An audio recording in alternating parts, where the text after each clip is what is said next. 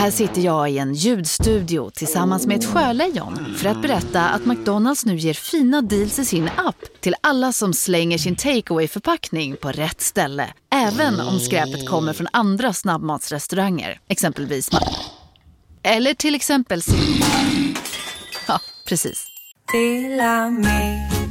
Hej! Är du en av dem som tycker om att dela saker med andra? Då kommer dina öron att gilla det här. Hos Telenor kan man dela mobilabonnemang. Ju fler ni är, desto billigare blir det. Skaffa Telenor familj med upp till sju extra användare. Välkommen till någon av Telenors butiker eller telenor.se. Hej och välkomna till podcasten Billgren Wood med mig Elsa Billgren. Och med mig Sofia Wood. Mm, och Sofia, det här är ju vår trendspaningspodcast som puttrar på fastän det är mitt i sommarlovet. Ja. Och vi pratar ju om eh, saker vi ser i våra flöden, vi spår om framtiden, vi analyserar, vi pratar om saker som vi blir väldigt inspirerade av ehm, och eh, även lite personliga små tankar då och då. Och Idag så tänkte vi prata om någonting som är högst aktuellt men kanske också väldigt långt borta. Vi ska prata om bröllop och resor. Välkomna!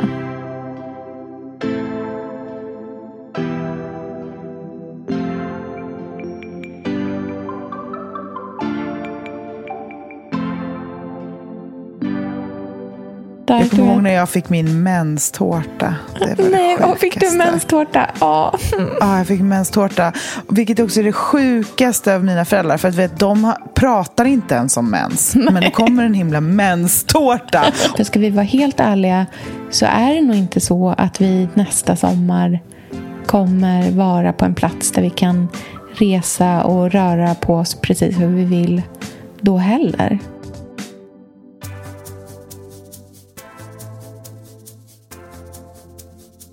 Hur är läget innan vi hoppar in i det här breda men också väldigt så nära sammanlänkade eh, ämnet? Ja, det är ju både bröllop och resor känns ju som någonting man funderar på ganska mycket just nu.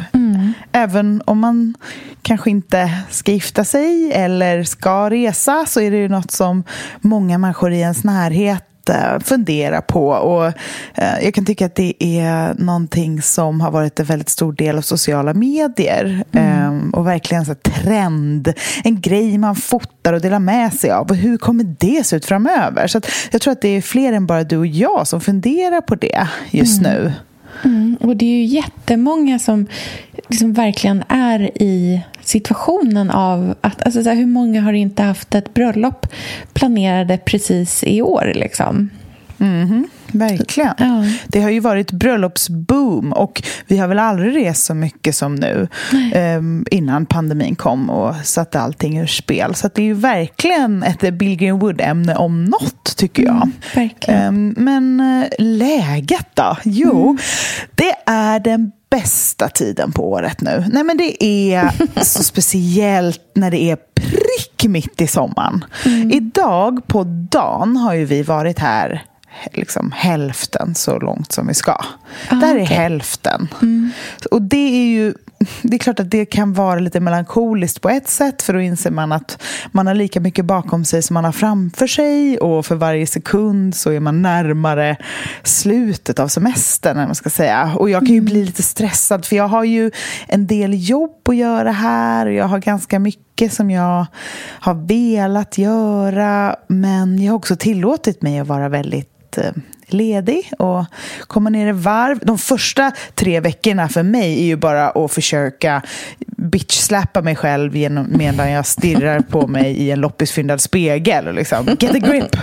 Eh, men nu är jag liksom solbränd, känner mig här. Du vet, jag- jag fyndade någon konstig klänning häromdagen som jag bara aldrig skulle fynda i juni. Det skulle inte hända. Den Nej. skulle se ut som... Nej, men det skulle inte hända. Men nu är jag så här julimjuk och solbränd och härlig. Och allt bara känns fint. Jag bara känner mig snygg. Och, mm, det, det är kul. Och så här. Mm, vet, jag blir hippie i juli. Allting bara... Mm, allt så enkelt. Och, chill liksom. Men det här är, så det är en kort bubbla. Jag försöker njuta fullt av ja. den här stunden. Jag förstår, vad härligt. Jag förstår att det heller ja. kanske inte känns så stressat att det är på väg mot slutet för att det är också så himla lång tid som ni har kvar. Alltså ni har varit ja. där jättelänge och det är jättelångt mm. kvar. Alltså även om ni är mitt i så är det fortfarande lika långt kvar som många har. Alltså ni har ju nästan en dubbelt så lång semester som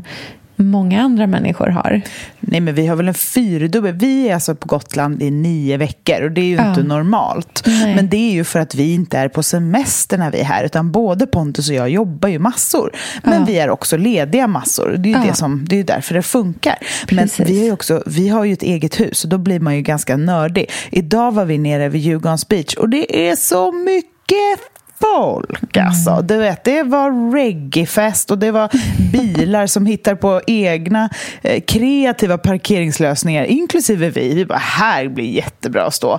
Och du vet, man har bakluckan full av simpuffar och någon gammal banan som är solmogen fyra veckor sedan. Och så här, det är ett semesterliv och en så här puttrig beach. Men för bara någon vecka sedan så var det inte alls så där. Nej. Och vi kommer ju vara här tills det är tomt igen. Mm. Så det är en väldigt speciell fas. Det är väldigt speciellt att vara i sommaridyll i så länge och få se hela den här kurvan och mm. vara med om alla skiftningar och allting. Mm. Um, så det är ju verkligen ultralyxigt på många sätt. Man blir lite så här, oh, herregud, vad mycket folk! Men idag så såg vi också en, på den här parkeringen, mm. så var det en gammal folkabuss. Du vet en sån här riktig gammal klassiker. Mm. Och i den så, hela bakluckan var öppen öppen. Då var det liksom som att de hade byggt en liten gosig chillsäng, hängmatta, mm. där det låg en så här preteen, mm. jag menar 11-årig tjej och höll på med sin, jag vet inte om hon hade någon padda som hon spelade på eller någonting. Men och någon liten mugg med typ, jag vet inte, varm choklad kanske eller mm. någon saft. Och det bara, och bara låg där och var så tillfreds. Jag kände så här, gud, det här är det, go- det, här är det härligaste jag någonsin sett. Mm. Det var så eh, från en annan tid. Mm. Så det är väldigt mysigt att se andra människor sommarnjuta också, tycker jag. Mm. Man har läst väldigt mycket om att det är jättemycket folk på Gotland. Att det är jättemycket folk i, på, liksom i Skåne. På ja, så här, alla de här klassiska liksom, sommarställena. Och det mm. hänger ju såklart ihop med hela så här, coronasituationen och att folk inte reser utomlands alls i samma utsträckning som de gjort tidigare. Även om jag tycker liksom verkligen börjar se ganska många som eh, åker utomlands nu ändå. Mm. Eh, det börjar liksom bubbla. Men vi var ju på Österlen eh, och hälsade på våra kompisar eh, i förra veckan. Och mm. eh, där var det ju verkligen precis så som du beskriver. Att det var så mycket folk på vissa ställen. Så att man, det var bara liksom att åka förbi. Och Ellen och jag var en så tidig morgon eh, på några ställen och liksom åkte skulle kolla in innan de öppnade. För Ellen känner ju typ alla som har ställena där. Liksom. Så, att medan, så vi ja. kunde vi liksom kunna komma in innan, ja, men innan de egentligen hade öppnat. De stod och pratade med flera av dem som ja, men så folk som, som drev ställena. Eh, och där, de var ju helt slutkörda av att det var oh. så mycket folk. Det var liksom ett par ställen som hade fått börja med kölappssystem för ja. att det inte skulle bli för mycket. För alla är så oroade att Nej, men dels att, liksom, så tror jag framför allt att det nästan är de som driver de här ställena som är mest oroade att det ska vara för mycket folk. För att, att del, alltså det är ju farligt, men det är också... Man får ju, alltså de som företagare har ju ett ansvar i att inte inte, att det får inte vara för trångt inuti och de får bara vara ett visst antal människor i lokalen och sådär. Eh, och samtidigt som alla som besöker kanske liksom kan ryta till varandra om att hålla avstånd så ska de likväl liksom trycka sig in på alla ställen. Eh, mm. så att det där var jättespeciellt och det var många som var liksom dels helt slutkörda av att det var sån rush konstant, att det var rush hela dagen, att det liksom inte fanns de här mm. topparna och dalarna. Um, men också att de, ja, men just att de har fått så här, man fick ordna så här provisoriska system med eh, kölappar för att komma in. Vi var åt på den pastafabriken som ju är jättehärligt och som har ju fått ganska mm. mycket press den senaste tiden. Jag vet att så Buffé gjorde ett jättestort jobb hos dem. Jag tycker att Österlen har fått ett uppsving medialt senaste två somrarna bara eller någonting. Med så här talldunge. Det känns som att det verkligen har hypats mycket Ja. Och just alla ställen, så att det har känts som att det är väldigt turistkompatibelt för resten av svenskarna. Ja, men för det som är grejen med Österlen också är ju att det är en så hög standard på allting. Det är ju inte som att mm. vara på landet i Östergötland, där jag kommer ifrån. Eller, alltså så här, det är ju liksom som att vara på landet fast maten kommer från innerstaden i Köpenhamn. Alltså, du vet, det är så mm.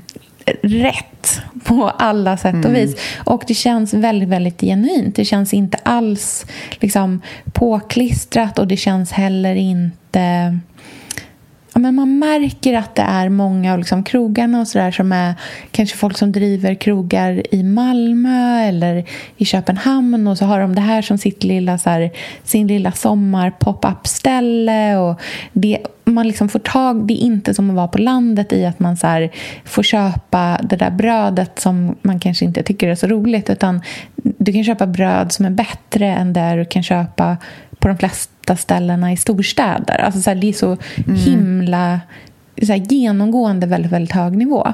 Men då mm. när vi var där till exempel, och det är ju ett sånt ställe som liksom är ganska känt. Där var det ju så här, de, då, ja, då hade de liksom verkligen så här spejsat ut borden jättebra och det var liksom väldigt luftigt. Man satt inte på varandra på något sätt. Men det var ju också, hon sa det, hon som jobbar där, hon bara nej men vi har alltså 700 personer på väntlista idag mm. Alltså, för att, det är ju sinnessjukt. Så att oh. det trycket är ju helt otroligt. Jag har liksom, när vi var där så hade liksom så flera kompisar och folk som här, följare som skrev på Instagram och var så här Ja, ah, vi var där igår men det var bara att vända i dörren. Det var liksom det, det fanns mm. inget, inte ens nästan bord. Liksom. Det var ingen idé att ens vänta mm. på parkeringsplatsen. Utan det är, liksom, det är full rulle nu i år.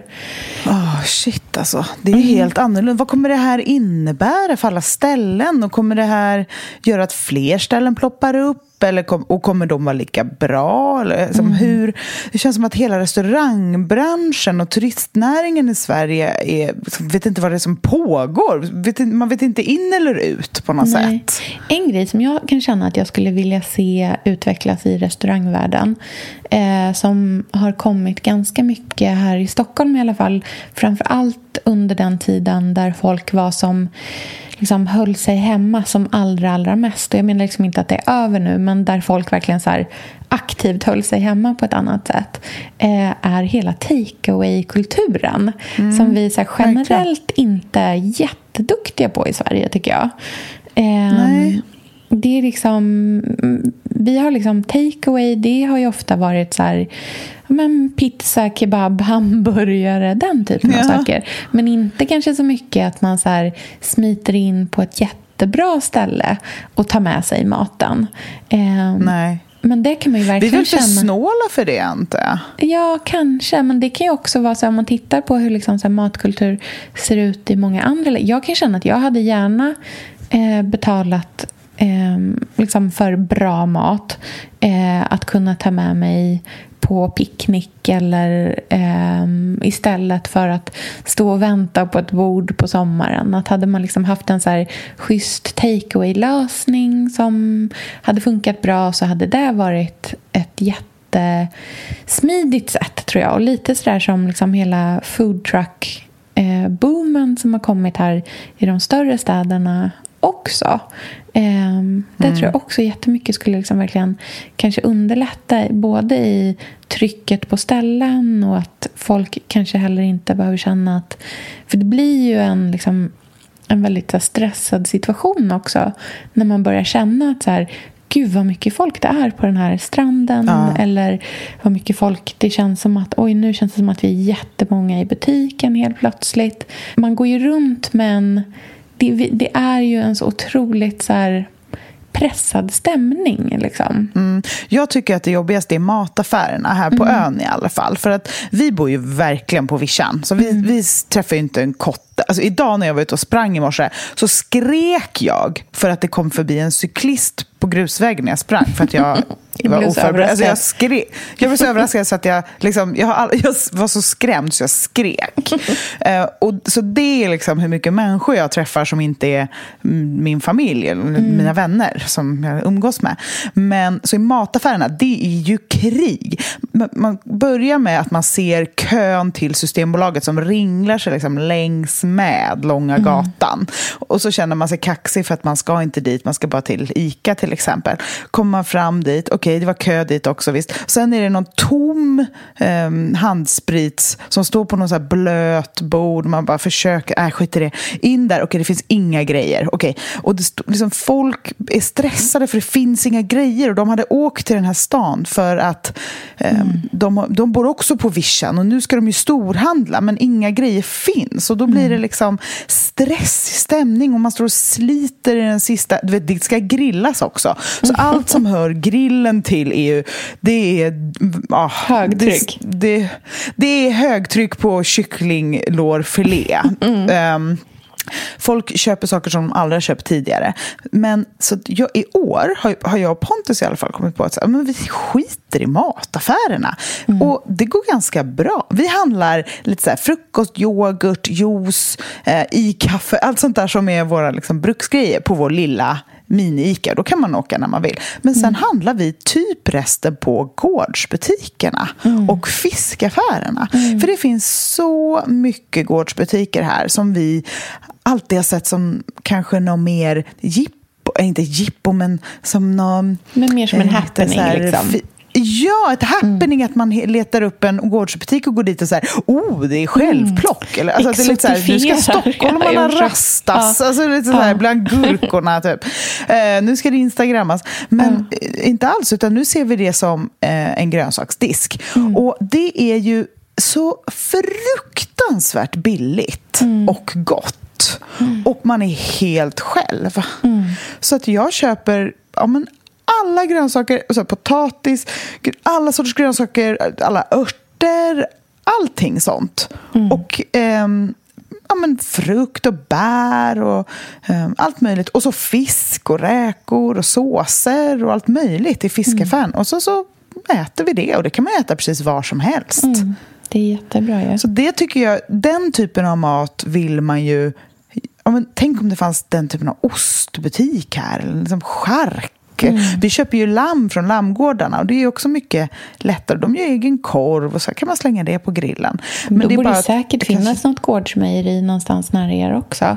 Där ja, ni kan köpa det vore ju drömmen. Ja, Men jag menar bara säkert. tidigare har jag tänkt på det som någonting lite Porsche eller någonting lite fin i kanten att man ska åka och handla. Jag köper visst på min gårdsbutik men så är det ju inte utan det är mycket lättare, billigare, enklare och bättre. Speciellt sådana här tider så får man godare saker också.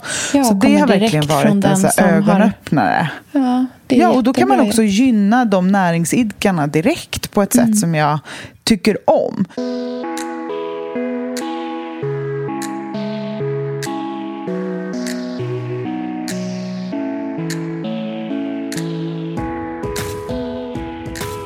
Men innan vi går vidare på våra ämnen, jag vill verkligen veta mer hur du har haft det i Skåne och hur du mår och hur ni har det. Ja, just det. Det glömde jag. Jag hoppade rakt in i ämnet. Jag var så peppad på att prata om det här. Eh, nej, men vi mår jättebra. Vi är verkligen eh, i så här semestermode. Fast att faktiskt Andreas jobbar den här veckan. Han har en sån här avbrottsvecka mitt i när han eh, eh, ensam på sin avdelning. Eh, så att han jobbar den här veckan. Men eh, vi har det jättebra. Jag eh, och barnen har kommit in i någon så här ganska schysst synk. Eh, där det absolut är eh, liksom så pass intensivt som det är med tre barn. Men det är också så här de leker med varandra och det går att liksom dirigera dem vidare till andra saker om det blir dålig stämning. Och idag var jag i park, vi har en park precis eh, vid oss som eh, har en eh, så här, stor plaskdamm för barn också. Alltså det går typ upp till midjan på Selma, så det är liksom inte alls djupt.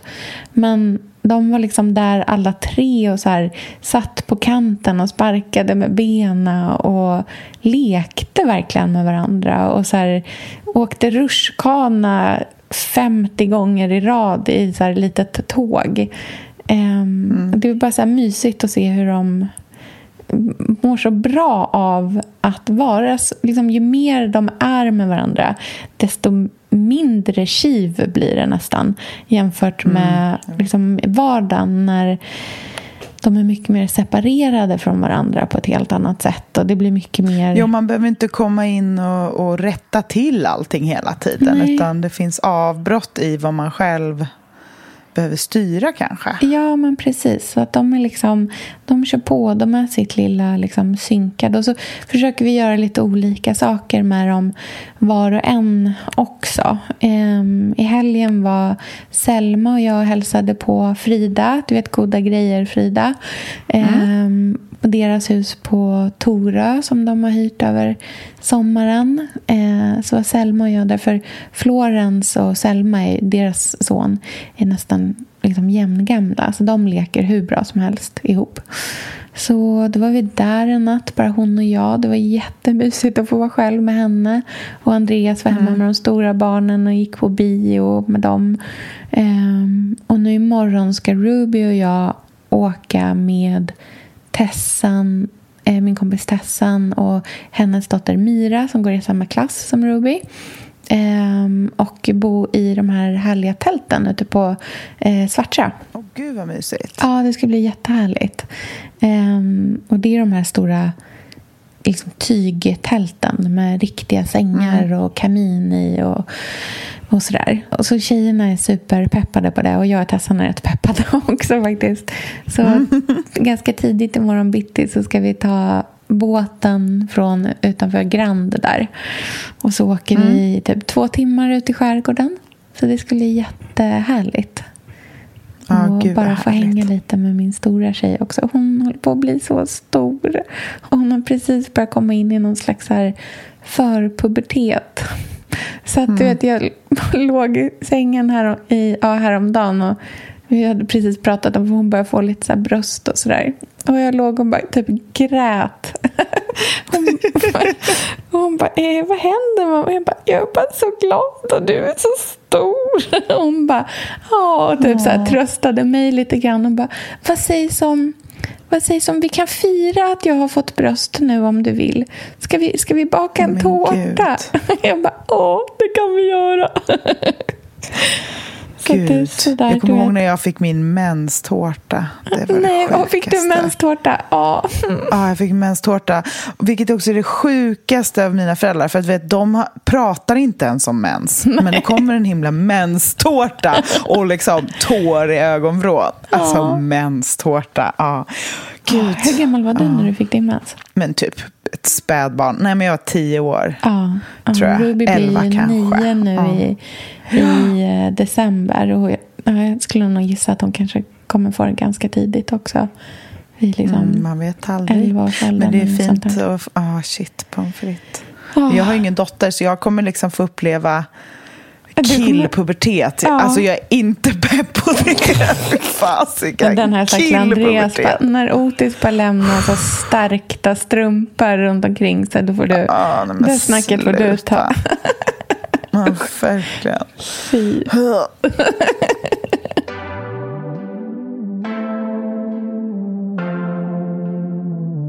Ja, men det är så mysigt med sommaren och mysigt ja. med barn. För att ja. man hinner titta på dem och säger så konstiga saker och så gulliga. Och ja. Lynn, han lär sig så himla mycket nu och han bara kan skriva och det är så gulligt allting. Gud, ja, det är så mysigt.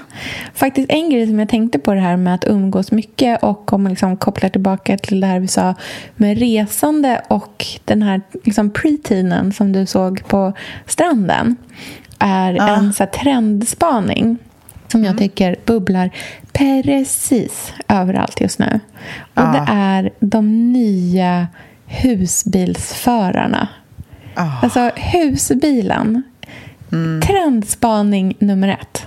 Alltså, Ja. Jag tror ja, den ja. har gått från liksom att vara så här, lite utskrattad, lite ses som någon så här böda camping, eller heter jag vet inte, men du vet sådär liksom att Ja, man har jo, jo, liksom, det är böda camping Folk har lite på så här, Öland. skämtat om det liksom, lite grann och så här, ja, men tyckt att det Sune har varit... Sommar, Lex Sune Ja. Sommar. Liksom. Lex en, av Sune världen, Sommar. en av världens bästa filmer handlar om det här.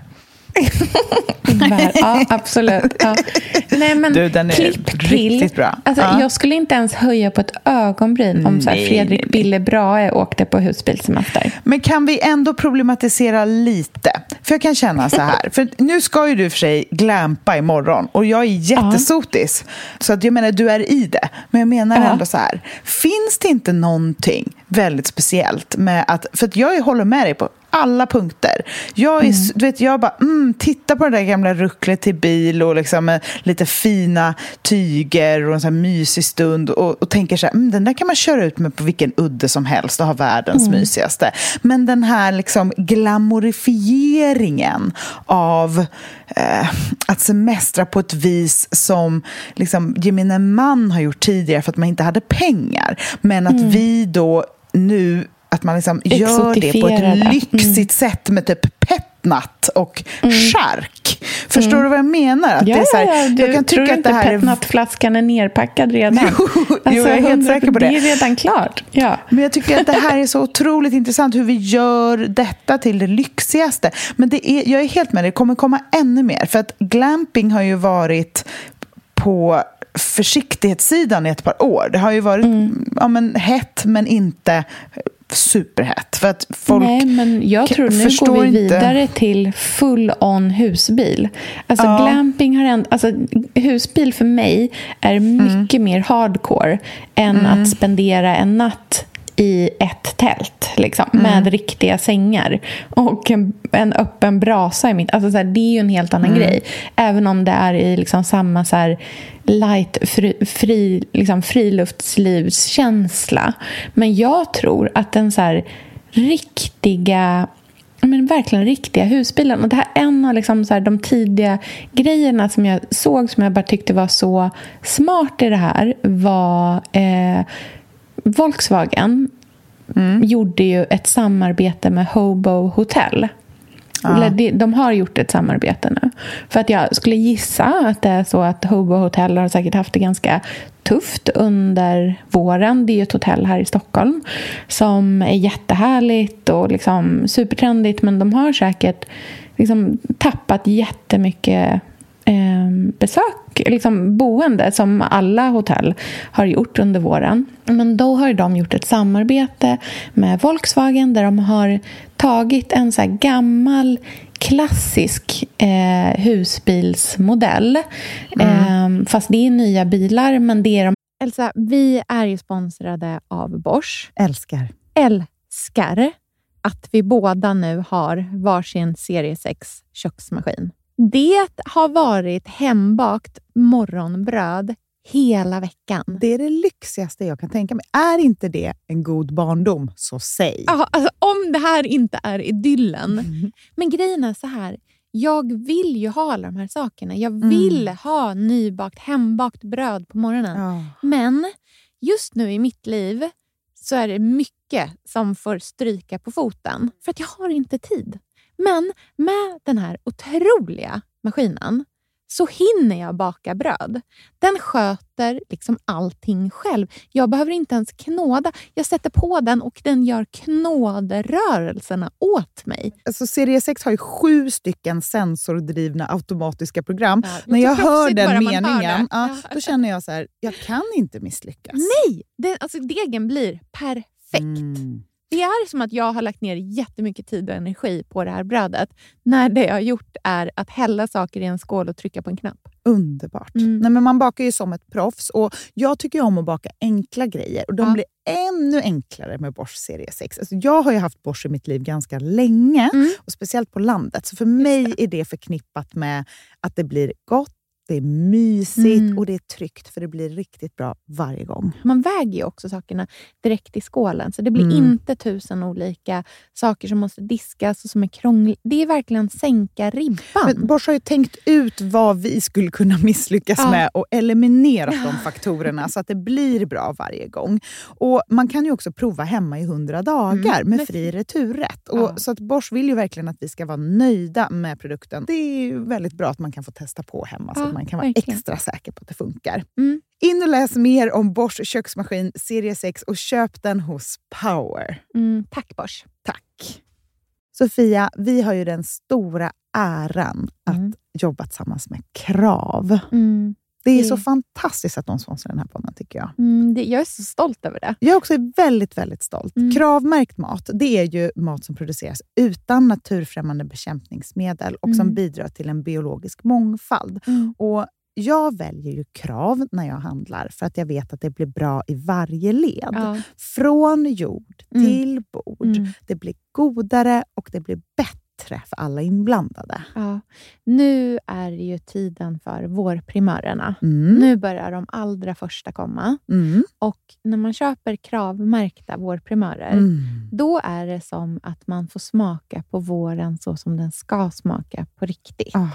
Den första kravmärkta svenska sparrisen, oh. det är en högtidsstund. Det är det. Och sparris som är kravmärkt, man ser det på primören. Den är grönare, den är knotigare, mm. den har karaktär. Mm. Den är så god att mm. äta rå. Mm. Det behövs inte mycket mer än Nej. lite smör och flingsalt och så har man en förrätt. Vet du vad jag gjorde faktiskt på kravmärkt svensk sparris? Eh, blancherade i kanske 30 sekunder. Mm la sen rakt ner i ett isbad, mm. skivade jätte, jättetunna skivor på med kravmärkt olivolja, mm. flingsalt och ett kravmärkt pocherat ägg. Och tänkte verkligen, ja, allting på den här tallriken mm. är kravmärkt. Mm. Allting smakar otroligt. Så himla gott. Verkligen. Det mm. finns så himla mycket gott som jag är sugen på. Och jag tänker verkligen att vi alla ska ställa krav i korgen ja, när vi handlar. Det var en bra mm. eh, sägning, för det är precis så som man ska tänka. Ställ krav i korgen. Tack snälla Krav. Tack Krav. Sofia, den här veckan har vi ett jättefint och viktigt samarbete med Plan International, mm. en av världens största och äldsta barnrättsorganisationer med verksamheter i över 80 länder. Mm. Och nu tänkte jag att jag ska berätta för alla, för dig och för alla som lyssnar här om eh, Asiato som är 15 år gammal och kommer från Sierra Leone. Den här berättelsen visar också hur vi kan göra skillnad för flickor faktiskt. För trots mm. sin unga ålder så har Asiato redan upplevt väldigt mycket smärta. Hon har blivit utsatt för våldtäkter under hela sin barndom. Och eh, hon berättar att hon inte vågade säga någonting om de här övergreppen till någon. Och att hon därför inte hade någon runt sig som märkte något förrän hon blev gravid. 13 år gammal. Man är så liten mm. när man är 13. Mm. Kan du tänka... Alltså jag, nej, jag, det är svårt att mm. tänka sig att ett barn ska bli barn, mamma vid, i den mm. åldern. Men tack vare Plan International så har hon fått stöd och bearbeta allt det här fruktansvärda som hon har varit med om under så många år av hela sin barndom. Och nu mm. så är hon mer hoppfull inför framtiden igen. Ja, barn ska inte föda barn. Och Vill du vara med och kämpa för att flickor som Asiato ska få en barndom fri från våld och sexuella övergrepp, bli flickafadder för 125 kronor i månaden hos Plan International på flickafadder.se. Eller om du hellre vill ge en engångsgåva så kan du swisha till nummer 900 14 70. Eh, alltså 900 900 14 70. Tack Plan International.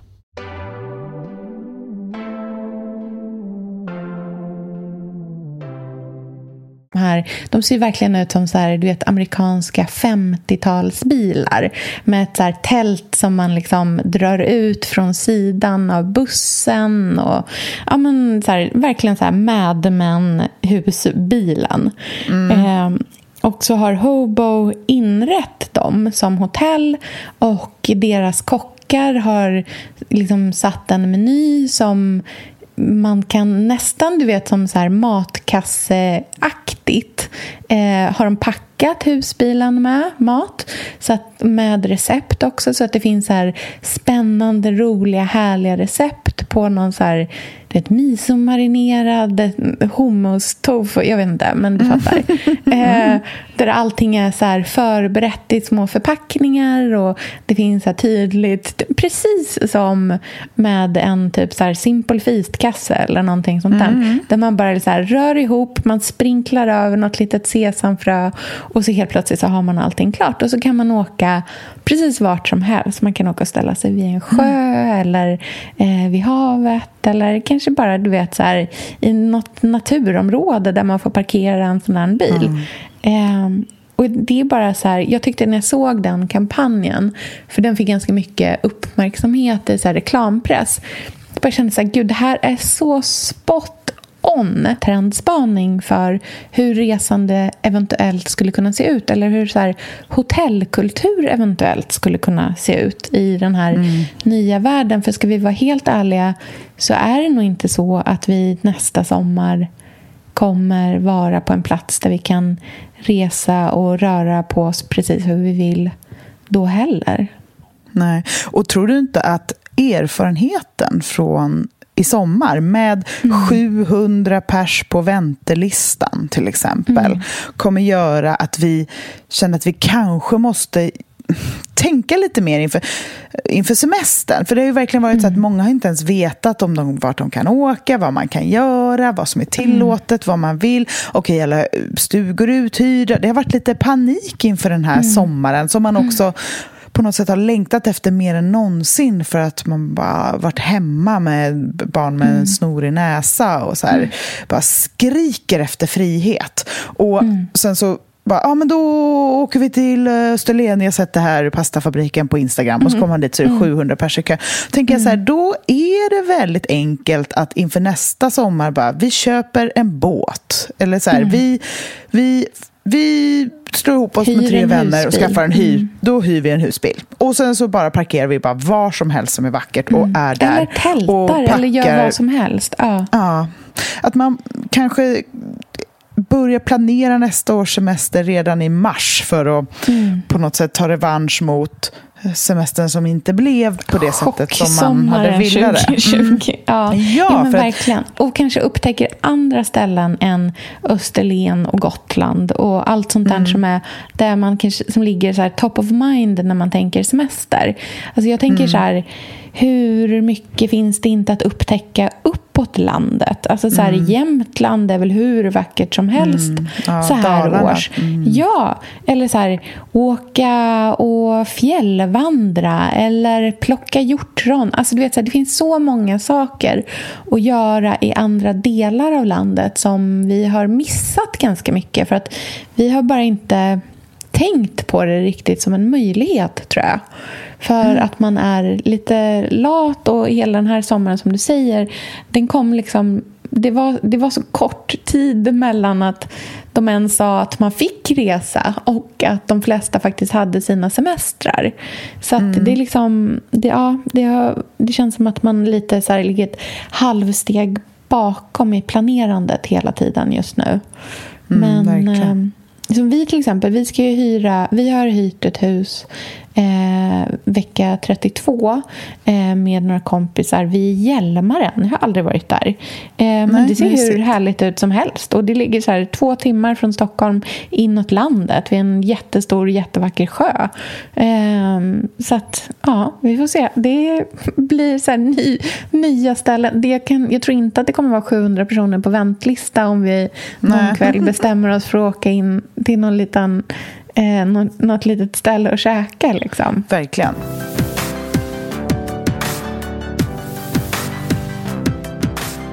resor utomlands då? För du, du nämnde tidigare att du har börjat se fler och fler åka utomlands. Och jag känner samma. Jag tycker Ja. att det här är väldigt spännande.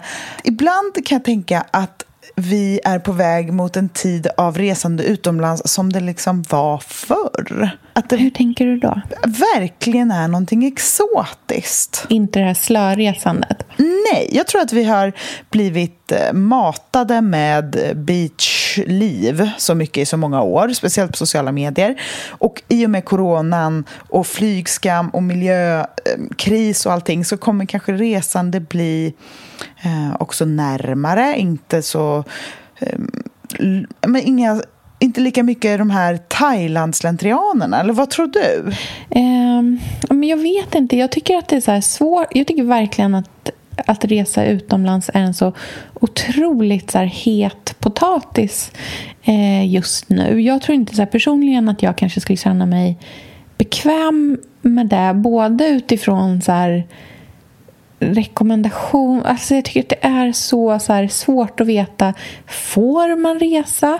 Får man inte resa? Vart är man egentligen välkommen? Alltså, där vi har kompisar som bor i andra länder, de som är svenskar, de är så bara, nej, alltså det de, de som redan bor, alltså så kompisar till oss som bor i Danmark till exempel, de är så här, nej men alltså svenskar är så opopulära så att det är ingen som vill ha oss här. Och det tror jag för oss svenskar är en sån Alltså det är så undligt för oss. Det blir som så upp och nervända världen. För vi har gått runt med en snart, någon slags världsbild av att alla tycker att vi är så himla bra. Att vi är ett så bra land och vi har så bra sjukvård. Och vi, det, är liksom, det är mycket skatt men man får allting gratis. Du vet, så här, så, och vi har liksom haft, jag tror att vi har haft en väldigt så här, hö- högt självförtroende i det. Och då att helt plötsligt vara så här, ja, men som våra kompisar som bor i Köpenhamn som fick eh, var tvungna att så här, coronatesta sina barn, ha så här, nytagna coronatest innan de fick lämna barnen på förskolan. För att de var svenskar. Ja, Alltså, du vet, så här, det är en så underlig känsla att bara helt plötsligt vara så här, liksom, sjuka, smutsiga svenskar. Alltså, förstår du? alltså, Nu gör jag så här citationstecken. Men det är lite det som är känslan eh, som man upplever. Och jag tror att för oss är det en sån så här upp och nervända världen. Och Vi skulle till exempel ha åkt till eh, Australien nu i jul. Eh, och det kommer ju inte bli av med liksom, största sannolikhet. Alltså det, vi utgår från att det inte kommer gå. Eh, med tanke på hur liksom, Melbourne är i sin andra lockdown och du vet, de är ju jätte de har ju haft mycket hårdare restriktioner än vad vi har haft här. Eh, så det, alltså det finns inte en chans att vi kommer komma iväg i jul, liksom, skulle jag inte tro.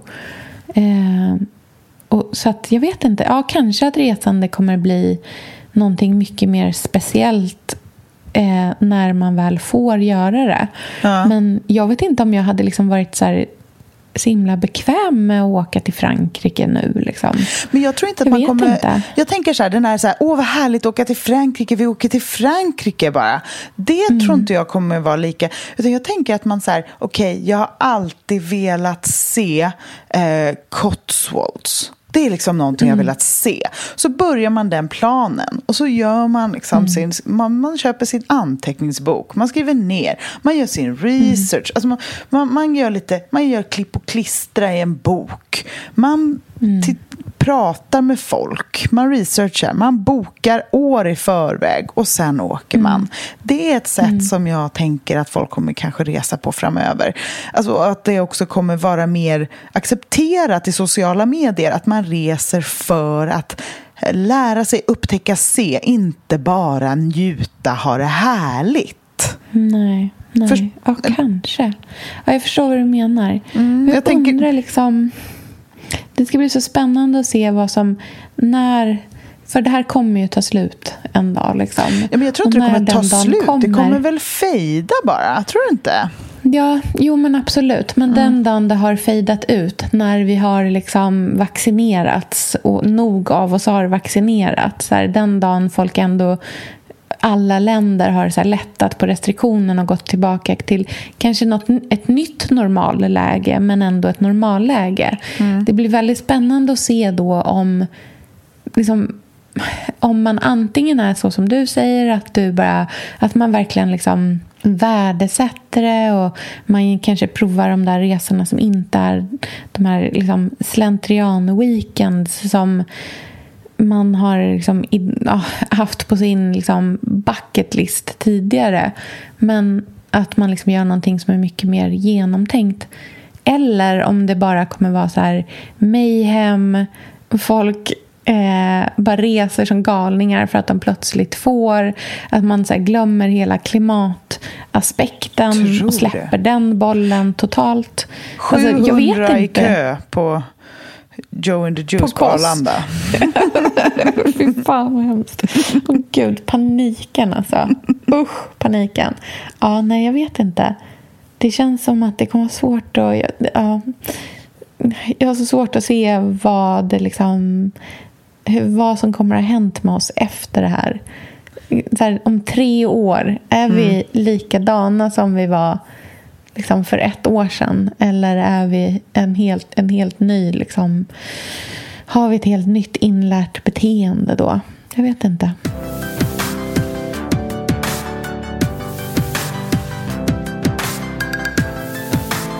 Och du, på tal om nya statusmarkörer. Mm. Det är ju någonting man ser i hela bröllopsvärlden också, oh, tycker jag. Gud, det är så spännande. Bröllopet med stort B har ju precis skett i fredags. Precis. Eh, faktiskt ett helt otroligt bröllop, måste man ändå säga. Oh, wow. eh, prinsessan Beatrice, den engelska prinsessan, nummer 13 i tronföljd, tror jag. Mm. Eh, som ju är dotter till eh, prins Andrew, den här skandalomsusade prins Andrew. Eh, som ju har fått eh, liksom, frångå alla sina officiella åtaganden efter att han visade sig ha här, ja, kopplingar till Jeffrey Epstein eh, förra året. Och eh, såklart också den liksom kända Sarah Ferguson mm. eh, som man kanske minns från 80-90-tal. Eller nej, förlåt. Hon är nionde i tronföljd. Hon är inte trettonde. Förlåt, jag säger fel. Hon är nionde. jag älskar att sånt här är viktigt. Det här är ju ändå... vi vet ju alla hur mycket du älskar engelska kungahuset. Om 20 ja. minuter kommer vi kunna prata om bröllopet när, du, när vi har liksom betat av...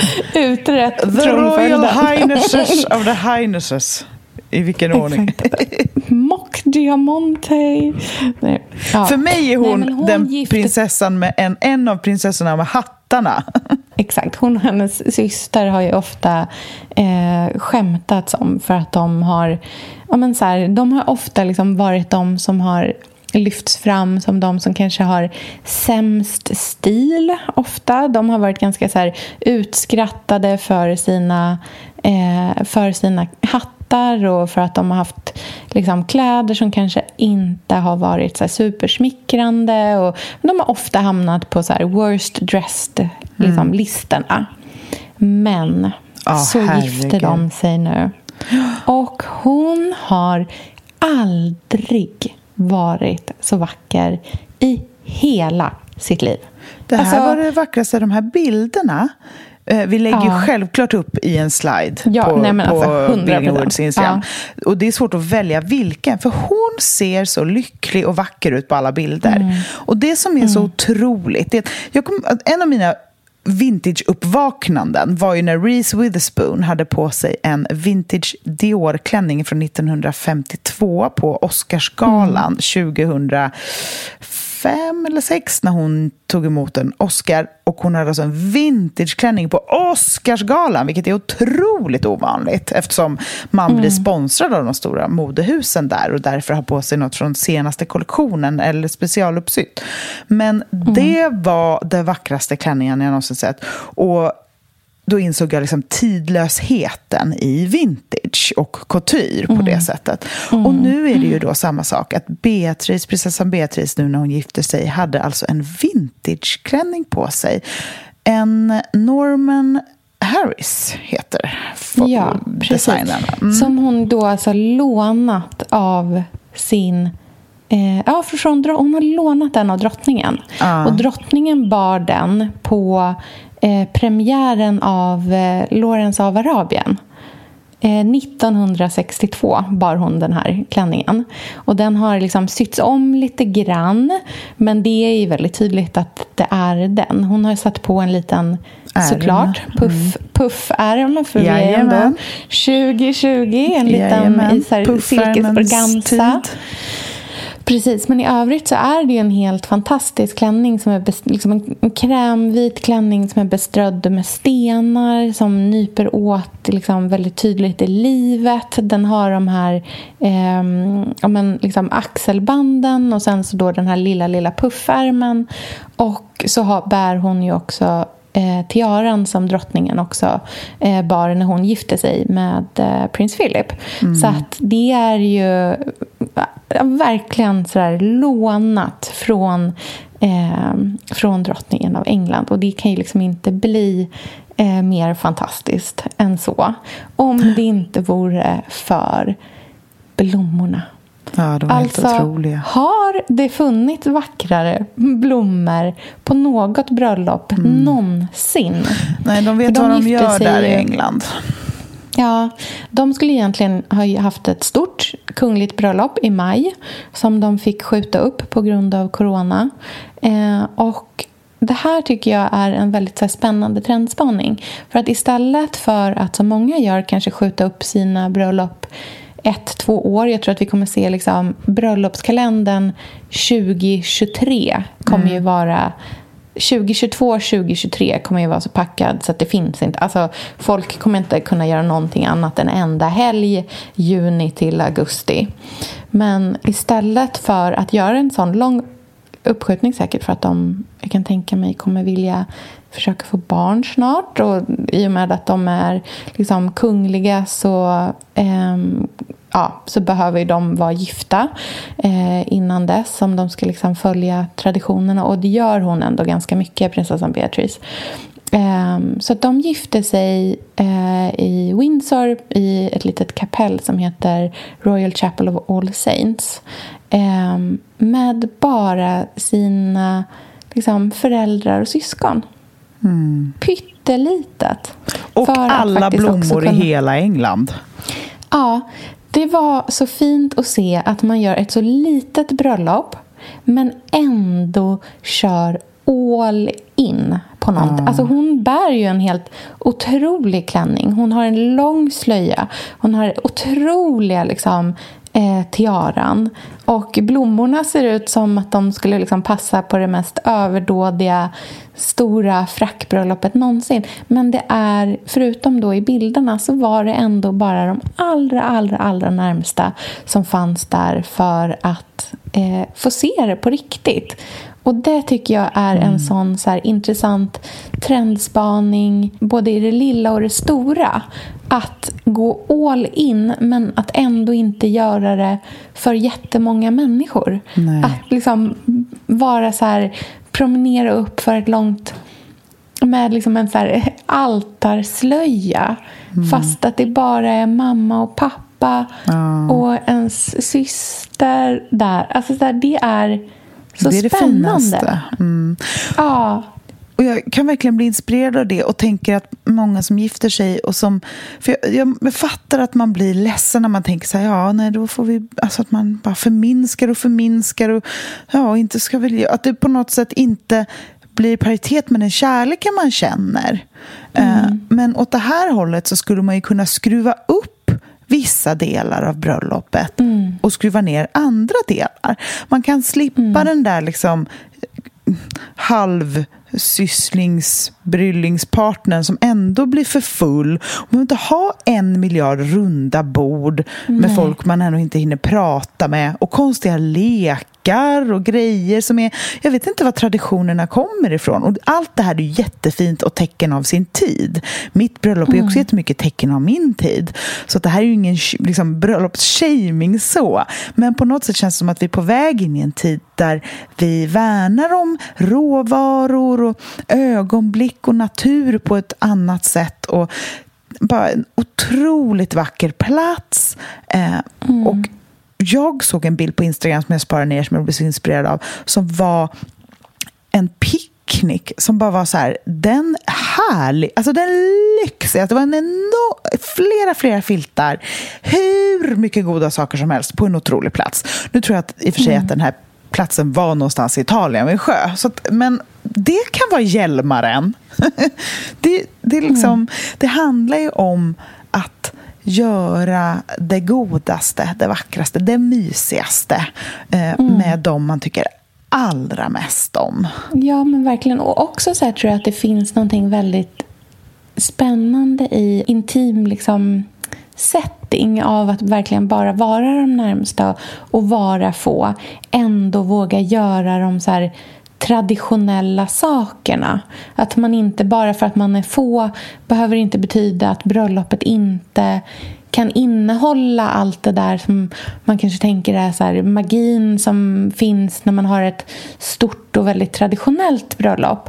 Eh, alltså det, allt från liksom, till exempel då att hon bar en så här otrolig, väldigt liksom, överdådig tiara. Även om det kanske inte är någonting som vi andra gör så kan man ändå ta liksom, inspiration från det. Och att hon hade, hon hade myrten i sin, eh, i sin eh, bukett och det var en väldigt så här, otroligt vacker bukett. Den var ganska liksom maffig. Eh, och att man ja, men verkligen går all in fast även för att det är jättefå människor. Liksom. Och mm. samtidigt som man kan våga bära vintage. Jag vet inte om hon hade kunnat bära den där klänningen om de hade haft ett stort liksom, klassiskt bröllop om hon hade gjort det då.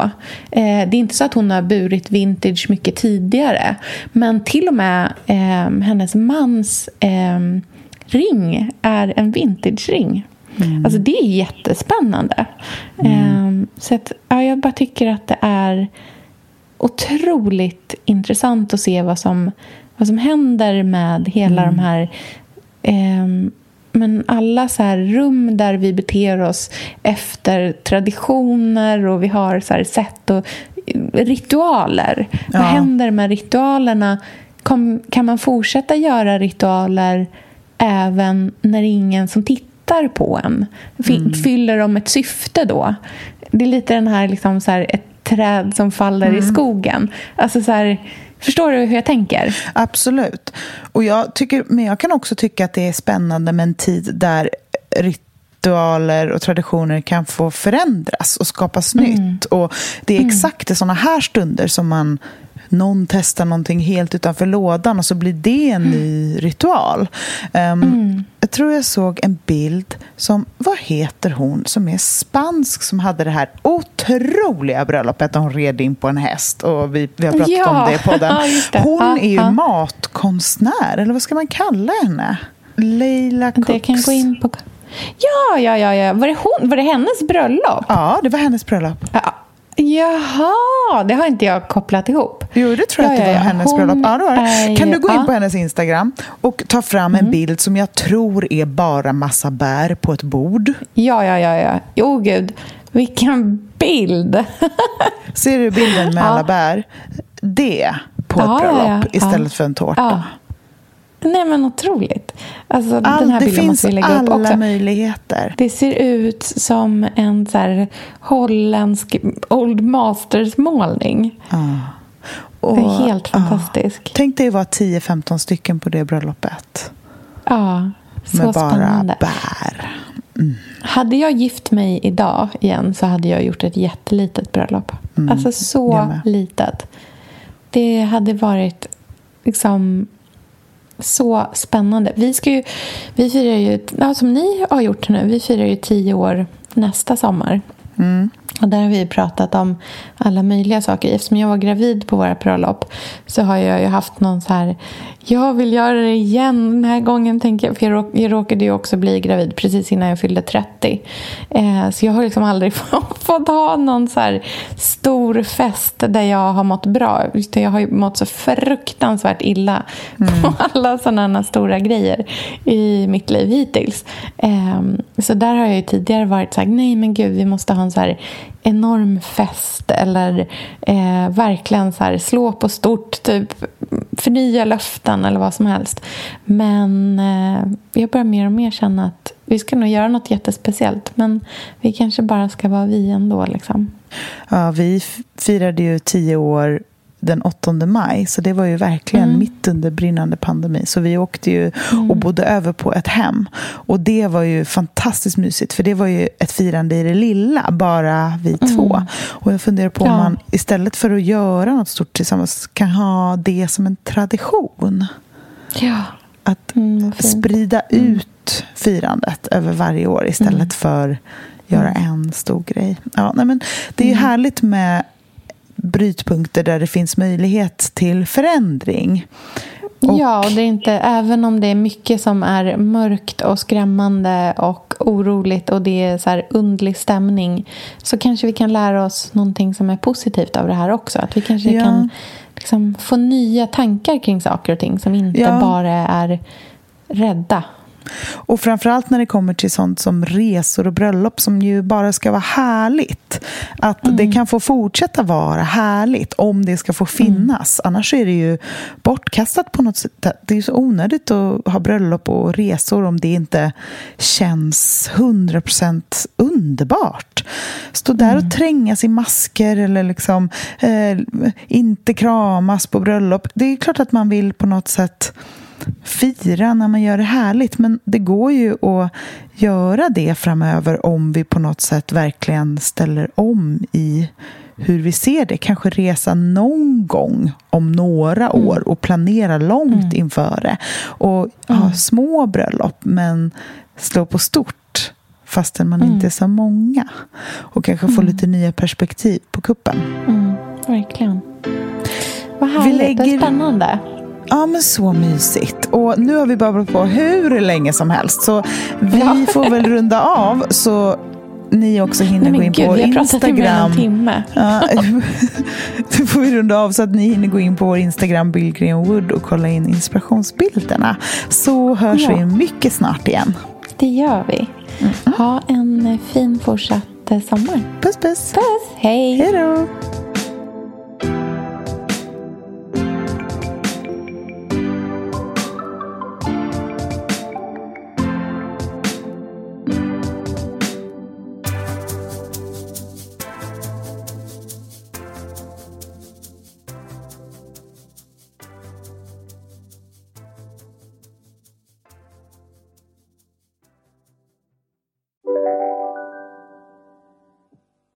Lyssna på en ekonomistas podcast om du vill lära dig mer om pengar och hur pengar påverkar ditt mående.